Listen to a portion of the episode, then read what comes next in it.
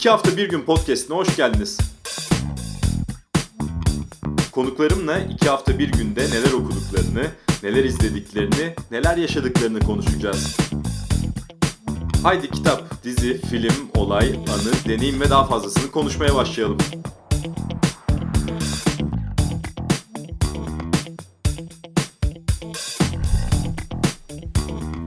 Merhaba, hafta bir günün yeni bonus bölümüne hoş geldiniz.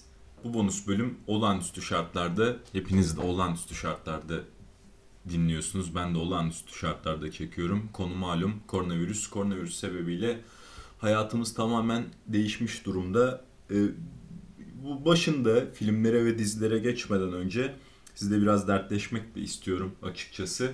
Ee, bilmiyorum siz nasılsınız yazarsanız da çok sevinirim.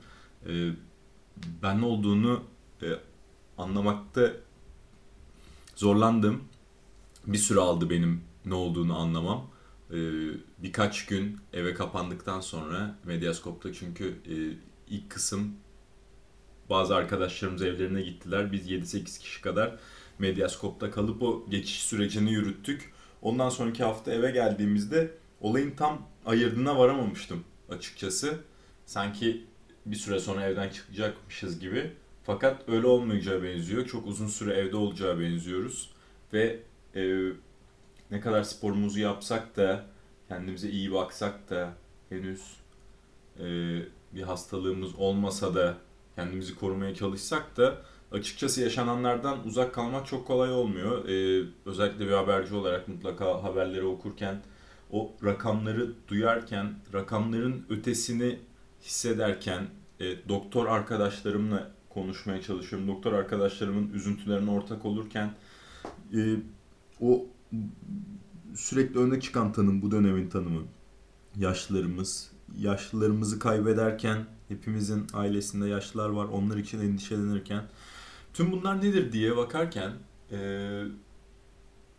yine Medyaskop'ta yayınlanan çok güzel bir makaleye denk gelince aslında biraz rahatlamış oldum. Bir gün öncesinde annemle telefonda konuşuyorduk ve e, nasılsın, iyi misin diye konuşurken o gün aslında kafamın çok karışık olduğunu, tüm bu olanlardan etkilenmiyormuşum gibi davransam da aslında kalbimin bir yerinde bunlardan çok etkilendiğimi ve o günün o günlerden biri olduğunu e, rahat edemediğimi söylemiştim ve tarif edemediğim bir his vardı. Şimdi bunu David Kessler çok güzel bir şekilde e, açıklamış. Harvard Business Review editoryal ekibinin e, toplantı sonucunda karar veriliyor ve e, yaz konusunda dünyanın en ünlü uzmanı olan David Kessler'a soruyorlar. David Kessler bu hissettiğimizin bu hissettiğimiz huzursuzluğun yastan başka bir şey olmadığını söylüyor. Şimdi dolayısıyla kadar insan kaybolurken sadece Türkiye'de de değil dünyanın dört bir yanında insanlar ölürken o görüntüleri izlerken e, yastan başka bir şey düşünmüyoruz. Bakın ne diyor hemen çok kısaca okuyalım. E, şu an geçirdiğimiz dönemleri dönemlerin ilk başında inkarın olduğunu söylüyor. Virüs bizi etkilemeyecek. Öfkenin var olduğunu söylüyor. Evde kalmama neden oluyor ve aktivitelerimi elimden alıyorsunuz. Pazarlık var. Tamam eğer iki hafta boyunca sosyal mesafe koyarsam her şey daha iyi olacak değil mi? Depresyon var. Bunun ne zaman sona ereceğini bilmiyorum. Ve son olarak kabullenme var. Bu olay gerçekleşiyor. Nasıl devam edeceğimi keşfetmeliyim. Ve diyor ki e, tahmin edebileceğiniz gibi kabullenme aşaması gücün olduğu yerdir. Kontrolümüzü kabullenerek sağlayabiliriz. Ellerimi yıkayabilirim. Güvenli bir mesafede kalabilirim. Dijital ortamda çalışmayı öğrenebilirim gibi. Ve e, sağlıksız bir beklentisel yasın endişe verici olduğunu söylüyor. Şimdi bizim de durumumuz bu. Öte yandan e, İlker Küçükparlak'la konuşmuştum e, psikiyatr. Yine Medyaskop ana haberde. O da aslında bizi mahvedenin belirsizlik olduğunu söylemişti. Dolayısıyla biz Mayıs sonunda mı, Haziran sonunda mı, sonbaharda mı, belki hayata ne zaman eskisi gibi dönebileceğimizi bilsek bu durumdan çıkarız. Fakat çok zor durumlar. Ayrıca çok fazla kaygı var, endişe var. İnsanlar işleri için endişe ediyor, ekonomik durumları için endişe ediyor. Bundan sonraki gelecek için endişe ediyor. Bir de işin bir başka boyutu var. O da e, Levent Erden'le bu konuyu konuştum. E, sosyal medyanın hayatımızın içine bu kadar girmesi, sürekli gelen WhatsApp mesajları, sürekli sosyallik. Şimdi en yakın arkadaşlarınız sizle Skype yapmak istiyor. En yakın arkadaşlarınız sizle Zoom yapmak istiyor. Fakat siz belki de o an film izlemek istiyorsunuz, kitap okumak istiyorsunuz. Fakat karşı koyamıyorsunuz. O kadar çok uyaran var ki. Bir yandan korona ile ilgili gelişmeler, bir yandan konuşmak isteyen akrabalar, arkadaşlar vesaire. İşte burada Levent Erden'le bu konuyu konuşurken o da birdenbire düşündüğümüzün çok ödesinde zamanımız olduğunu ama ne yapacağımızı bilmiyor olduğumuzu gördüğümüzü söylüyor. Şimdi ben de geçirdiğim ilk haftaya baktığım zaman çok fazla kitap, film izlerim, kitap okurum, film izlerim, dizi izlerim dememe rağmen aslında bu kadar yapamamıştım. Yani kitap konusunda iyi gitmeme rağmen e, istediğim kadar kafamı toplayıp dizi izleyemedim. Şimdi buradan oraya geçelim. Sonuçta zor zamanlardan geçiyoruz. Konsantrasyonumuzu sağlamamız zor oluyor ve ne kadar uğraşsak da bazen konsantre olamıyoruz. Şimdi benim bu dönemde okuduğum bir kitap Mary Beard'ın Antik Roma Tarihi SPQR, uluslararası bir bestseller. Bu kitapta Mary Beard Roma tarihini çok detaylı, çok harika bir şekilde ele alıyor. Ve alırken hayatın baharındaki Cicero ile başlıyor. Cicero'nun durumunu yani o e, Roma tarihinin ünlü anı Jules Caesar'ın iktidara gelişi ve ondan sonra Senato'da bıçaklanması anının hemen öncesine gidiyoruz. Burada Cicero'yu konuşmak yaparken görüyoruz. Sonra bizi tekrardan geriye atıyor ve Roma'nın kuruluşuna başlangıcında Roma'nın kurucu mitlerine atıyor ve bu mitleri, bu mitleri ne kadar gerçekçi bulmasa da onların taşıdıkları anlamı bize anlatıyor. O ve oradaki yaklaştığı temel noktada önemsiz bir e, yerleşim biriminin, belki kasabanın 20 bin altında insanın yaşadığı bir yerin nasıl olup da dünyanın en önemli gücü haline geleceği. Burada öncelikle bu romanın e, nasıl serpildiğini, başta İtalya'nın diğer küçük yerleşim birimlerinden bir farkı yokken nasıl o büyük sıçrayışı yapabildiğini, nasıl daha geniş bir dünyaya hükmedebildiğini görüyoruz. Sonra yeni politikalar geliyor ve ondan sonraki bölümde de imparatorluktan imparatorluğa yani Roma bir cumhuriyet, bu cumhuriyetin nasıl olduğu ancak e, bu cumhuriyetin nasıl kirlendiği, nasıl yolsuzluğa teslim olduğu, Romalı seçkinlerin toplumunda o rekabet, hırs ve yarışmanın nasıl Roma'yı bir noktaya getirdiyse e, aynı zamanda da Cumhuriyet'in yıkılmasına sebep olacağını anlatıyor. Burada e, şunu görüyoruz. Halkı temsil edenler, seçkinleri temsil edenler, halkı temsil ettiğini iddia eden ve daha adil bir yönetim önerenlerin senatörlerin açık müdahalesiyle öldürüldüğünü, Roma'nın özellikle o en büyük gelişmeyi yaşadığı yani milattan önce 200'lerden bugünlere doğru saydığımız yüzyılda ki o Roma'nın e, edebiyat, müzik, sanat anlamında en e, zirve yılları olarak nitelenen yıllarda nasıl büyük iç savaşlara sahne olduğu, bu iç savaşların hem İtalya içinde yapıldığı, o onun sonucunda da e, İtalyanlara Roma yurttaşlığı verildi, yayılmanın arttığı ama aynı zamanda da bu baskıcı imparatorluğun nasıl genişlediğini görüyoruz. Şimdi buradaki temel etken Roma'yı diğerlerinden ayıran Roma'nın içine ve dışına yönelik insan hareketini içermesi, çok küresel olması, iletişim, devinim, anlaşamama ve değişen bakış açıları imparatorluğu olması, çok büyük savaşlar kazanması, bu savaşları kazananların tabi mutlaka Romalı olmak tanımının aslında hırsla ve kazançla uyuşuyor olması. Bunların hepsi ve hepsi e, Roma'yı Roma yapan e, temel nitelikler evet ama eninde ve sonunda bu tüm nitelikler imparatorluklara daha doğrusu imparatorlara yol açacak. Şimdi bakın e, milattan önce 88 yılında konsüllük yapmış komutanlardan Sulla Roma kentine saldıran ilk Romalı oluyor. Bu sırada şimdi atlamayı yapacağız. Şimdi kitaptan filme geçeceğiz. Ee, şöyle bahsediyor Mary Milattan önce 73'te başlayan ve bütün Roma tarihinin en abartılmış çatışması olan Spartaküs'ün ünlü köle savaşın e, cesur bir avuç kaçak köle gladyatör İtalya'daki hoşnutsuz Roma yurttaşlarının çoğunluğu tarafından desteklenmiş olmalıydı. Aksi durumda neredeyse 2 yıl boyunca lejyonlara direnemezdi. Şimdi açıkçası burada e, hemen filme geçmeden önce milattan önce 60'ların yani o e, zeminin Jules Caesar'ın Rubicon'u geçip Roma'ya yürümesine e, zemin zeminin hazırlanmasında ayaklanmalar var. Engellenen seçimler var. Büyük çaplı rüşvetin hem seçmenleri hem de mahkemelerdeki jürilerin kararlarını etkilediği ve cinayetin siyasi rakiplere karşı silah olarak kullanıldığı bir dönem. Şimdi burada e, Jules Caesar'ın da bir süre sonra Sulla örneğini izleyerek Roma'yı ele geçirmesi. Yani bütün zemin ama bütün zemin buna hazırlanıyor. Şimdi son olarak bu iç savaş ve suikastleri de geride bırakarak e, son pasımızı yapalım. İmparatorluklara nasıl geçtiğini söyleyelim. Kitaba bir dahaki bonus bölümde devam edeceğim çünkü tam yarısındayım. Burada şundan bahsediyor Mary Beard. İmparatorluğun savunulması, denetlenmesi ve bazen genişletilmesi talepleri Romalıları devletin geleneksel yapılarına ülke içindeki optima, optimates ve populares arasındaki çekişmelerden çok daha temelden meydan okuyacak biçimde yıllar boyunca ayrı ayrı komutanlara muazzam mali ve askeri destekler teslim etmeye teşvik etti ya da zorladı. Büyük Pompey ile Jules Caesar otokratik güç için rakip olmuştu. Cumhuriyetçi ilkeleri Sulla ya da Marius'tan çok daha kapsamlı çiğnemiş ve Sezar suikastinin engellemediği tek adam yönetimi olasılığını ortaya çıkarmıştı.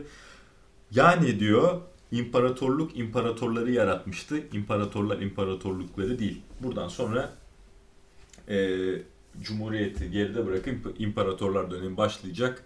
Roma'da değilim ve filme geçelim. Şimdi benim de en büyük eksiklerimden biri, gerçi birkaç arkadaşımla, e, birkaç tanıdığımla dün konuştuğumda çok utana sıkıla bu 1960 yılında çekilen yönetmenin Stanley Kubrick olduğu hatta geçtiğimiz aylarda kaydettiğimiz Kirk Douglas'ın başrolünde oynadığı Spartaküs'ü e, her ne kadar herkes izlemiştir diye düşünsek de ve izlemediğimizi utanarak söylesek de konuştuğum insanların ya çok eskiden izledikleri ve 3 saat 15 dakikalık bir film olduğu için hazmetmesi de zor bir film. Ya eskiden izlemişler ya da izlemediklerini söylemeye utanıyorlar açıkçası. Ee, dünyanın en ilginç filmlerinden biri. Tarihe geçen bir film. Ee, Birçok sahnesi de an an hatırlanan bir film. Tabii filmi izledikten sonra izleyenler varsa hatırlayacaklardır. Ya gerçekten bu hikaye olduğu gibi mi? Çünkü o üçüncü köle yani o köle savaşı aslında Spartaküs'ün başını çektiğinin iddia edildiği filmde köle savaşı Roma'nın e, iç savaşlarının üçüncüsünü oluşturuyor. Peki ne kadar e, gerçeklere bağlıydı diye dailyhistory.org'da çok da güzel bir haber hazırlanmış. Ben de buradan e, faydalanarak birkaç bilgi vermek istiyorum sizlere. Ama ona gelmeden başka bir şey söylemek lazım. Yine e, filmle alakalı bir arkadaşımla konuşurken bunun Stanley Kubrick filmine benzemediğini aslında hele Space Odyssey, Clockwork Orange gibi filmleri izleyenler için fazla drama bir film kaldığını konuştuk. Gerçekten de e, Stanley Kubrick filmi olduğunu bilmesek e, inanması zor olabilirdi ve e, o bize göre Stanley Kubrick'in karakteristik özelliklerini çok da taşıyan bir film olmadığını söyleyelim. Şimdi burada e, Spartaküs'ün hiçbir zaman bir arenada savaşmadığı, o ünlü sahnenin tabi tahmin ettiğimiz gibi Etiyopyalı ile birebir savaştıkları ve filmin açılışındaki sahnenin hiçbir zaman gerçekleşmediğini biliyoruz gerçek hikayede. E, kaçış sahneleri tamamen dolu, doğru ve bu şekilde elle, mutfak bıçaklarıyla falan kaçıyorlar e, o gladyatör okulundan. Ondan sonra e, burada tabii başka bir şey var. Çok önemli bir şey. E, Spartaküs bu köle isyanının evet önde gelenlerinden biri olmasına rağmen ondan çok daha etkili komutanları var bu hareketin. Bunu da cebimize atalım. Ondan sonra e, şimdi Mesela bunlardan birisi yine eski bir gladyatör olan Krixus. Ancak filmde Krixus'un hiçbir rolü olmadığını hatta onu görmediğimizden bahsediyoruz. Ee, şimdi filmde Julius Caesar var. Hatta Roma'nın Roma şehrindeki garnizonlarının başında kişi olarak gösteriliyor. Bu bu bir gerçek değil. Julius Caesar'ın bu hikayeyle hiçbir ilgisi yok.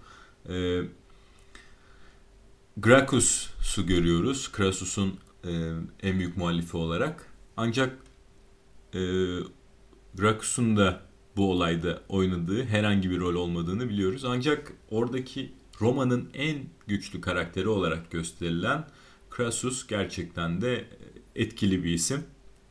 Onun altını çizelim. Onun dışında yine tahmin ettiğimiz gibi Spartaküs ve eşi, burada aşk olduğu kadını görüyoruz.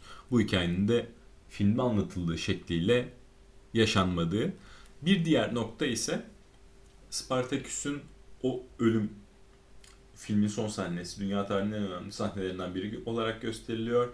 Artık çarmıha gerilmiş halde ve karısıyla yaptığı konuşma. Bunun da büyük ihtimalle yaşanmadığı.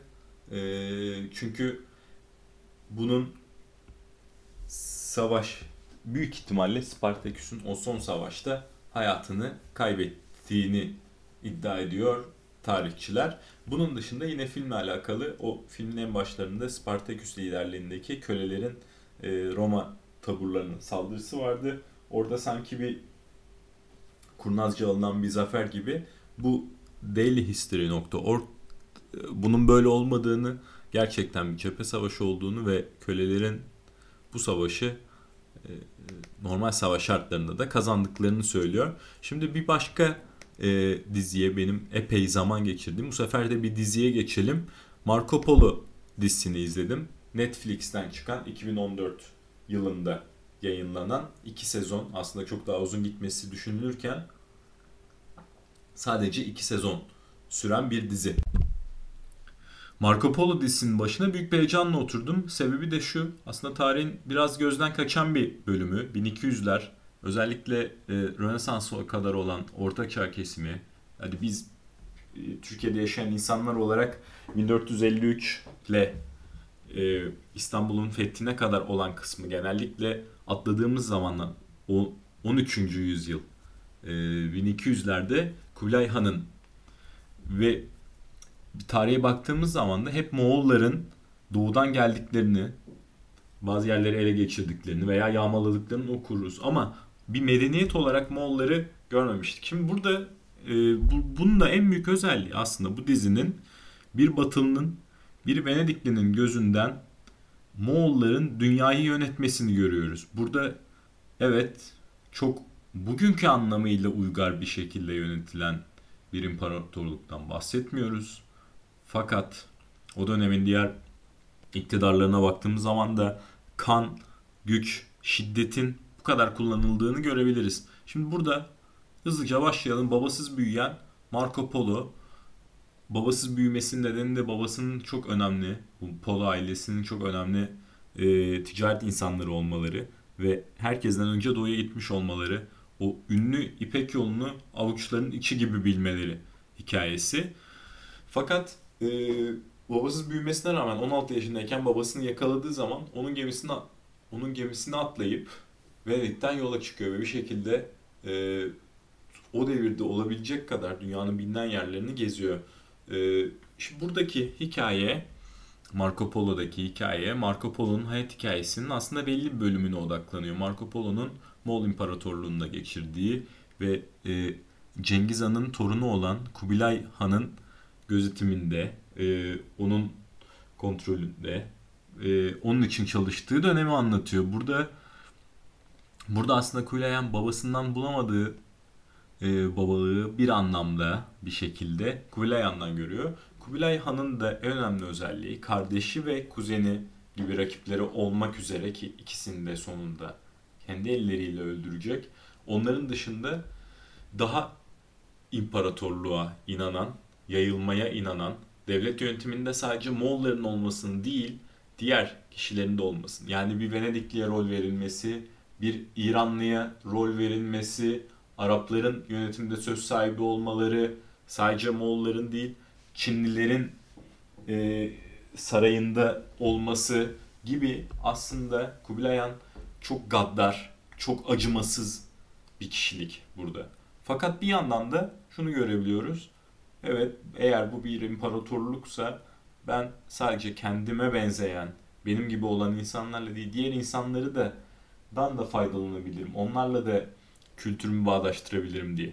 Ki Kubilay Han sonunda e, başkentini o dizide Hambalık diye geçen aslında Pekin olan Çin'e taşıyarak ve Jung hanedanında kurarak aslında Kubilay Han ve ondan sonra yerine gelecek oğlu e, ondan sonra daha doğrusu onun prensi Jingim hep Çin prensi diyorlardı düzeltiyorum Kubilay Han'ın yerine torunu gelecek onlar aslında Moğollardan koparak çünkü Kubilay Han'ın sonunda Moğollar dörde ayrılacaklar. Bizim de bildiğimiz İlhanlılar, Çağatay Hanlar gibi hanlıklar da kurulacak. Ve Çin'le birlikte Çin bölgesini kontrol edecekler. Şimdi buradaki hikayede e, şunu görüyoruz. Moğollar Güney Çin'i yani kontrol ettikleri Pekin gibi bölgeleri Kuzey Çin olarak adlandırıyorlar. Ancak Güney Çin'i de ele geçirmeye çalışıyor ve geçiriyor Kubilay. Fakat ne uğruna olduğuna bakarsak burada Kubilay Han'ın hayatında hem kardeşini katlettiğini, kuzeniyle çekiştiğini, burada hemen aklımıza Osmanlı'daki kardeş katli vaciptir sözü de geliyor.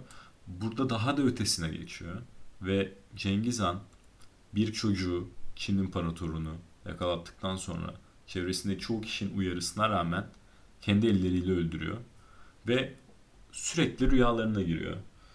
Ee, burada kendisini meşrulaştırmak için sürekli Cengiz Han göndermelerinde bulunuyor. Dünyayı fethetmemizi o istedi diyor. Onun sürekli bir sembol, bir ata, bir yol gösterici olduğundan bahsediliyor. Ya da iki kuzen iktidar için kurultayda çekişirlerken ikisinin de başvurdukları referanslar, ikisinin de atıfta bulundukları kişi Cengiz Han ve Gök Tanrı, Gök Tanrı'nın dili. Şimdi buradaki mücadelenin özünde de yerelciler, öze dönmecilerle Moğolcular ile yani yerelciler, öze dönmeciler, Moğolcularla genişlemeciler, imparatorlukçular arasındaki mücadele. Ancak burada dediğim gibi e, Kubilay Han'ın laneti girdiği her çekişmeyi kazanmasına rağmen çok fazla kan dökmesi, en yakınlarını öldürmeleri, bir çocuğu öldürmesi, daha sonra itirafında bunu söyleyecek Marco Polo'ya. O çocuğu öldürmenin bana keyif vermediğini söylemeliyim diye. Çok fazla eleştiri alacak. Ancak ıı, iktidarın böyle sağlanabileceğini, onun bir çocuk olmadığını, onun bir Çin imparatoru olduğunu, bunun simgesel bir anlamı olduğunu ve e, bir umudu yıktığını söylüyor Güney Çin halkında. Yine dizide görüyoruz. Bu Güney Çin'de yani Moğolların işgal ettiği Güney Çin'de dolaşırlarken birçok Güney Çinlinin Moğol iktidarını kabul edemediği için intihar ettiğini görüyoruz. Bunu da bir not olarak düşelim. Şimdi hikayenin devamında ve e, dizinin gittiği yerde hep ihanetler ve akrabaların iktidar mücadeleleri çıkacak karşımıza. Burada mesela çok ilginç bir hikaye. E, oğlu Prens Jingim'in yani iktidarın devamını sağlayacak Jingim'in yeni aldıkları gelinden çocuğu olmayınca İmparatoriçe'nin bizzat bir at seyisini geliniyle ilişkiye girmeye zorlaması, sonra o at seyisinin e, ortadan kaybedilmesi ve ancak gelinin bu şekilde e, hamile kalması, bir erkek, biri kız, iki çocuk dünyaya getirmesi ve bu ortaya çıktığı zaman da tabii yer yerinden oynuyor. Bunun dışında e, oğlum dediği naip vekili Ahmet'ten en büyük kazığı yemesi. Bunu hiçbir zaman unutamıyor Kubilay Han ve bunları hep hainler olarak anlatıyor. Şimdi Marco Polo dizisi bundan önceki e, bonus bölümde Rom dizisini anlatmıştım. Rom dizisi gerçekten çok ihtişamlıydı. Çok iyi bir e, senaryosu vardı. Dizinin nerede başlayıp nereye gideceği belliydi. O da evet iki sezonda e, kalmış bir diziydi bunun gibi. Ama Marco Polo'nun devam edememesindeki çünkü çok bereketli bir hikaye. Marco Polo'nun hikayesini sezonlarca izleyebileceğimize rağmen bir oyunculuklar yeteri kadar iyi değil. iki senaryo yeteri kadar iyi değil. Yoksa e, ben e, Netflix'in burada kötü bir iş çıkardığını ve ellerindeki muazzam malzemeyi yeteri kadar değerlendiremediğini düşünüyorum. Evet, üçüncü bonus bölümün böylelikle sonuna gelmiş oluyoruz. Sonraki bölümlerde görüşmek üzere.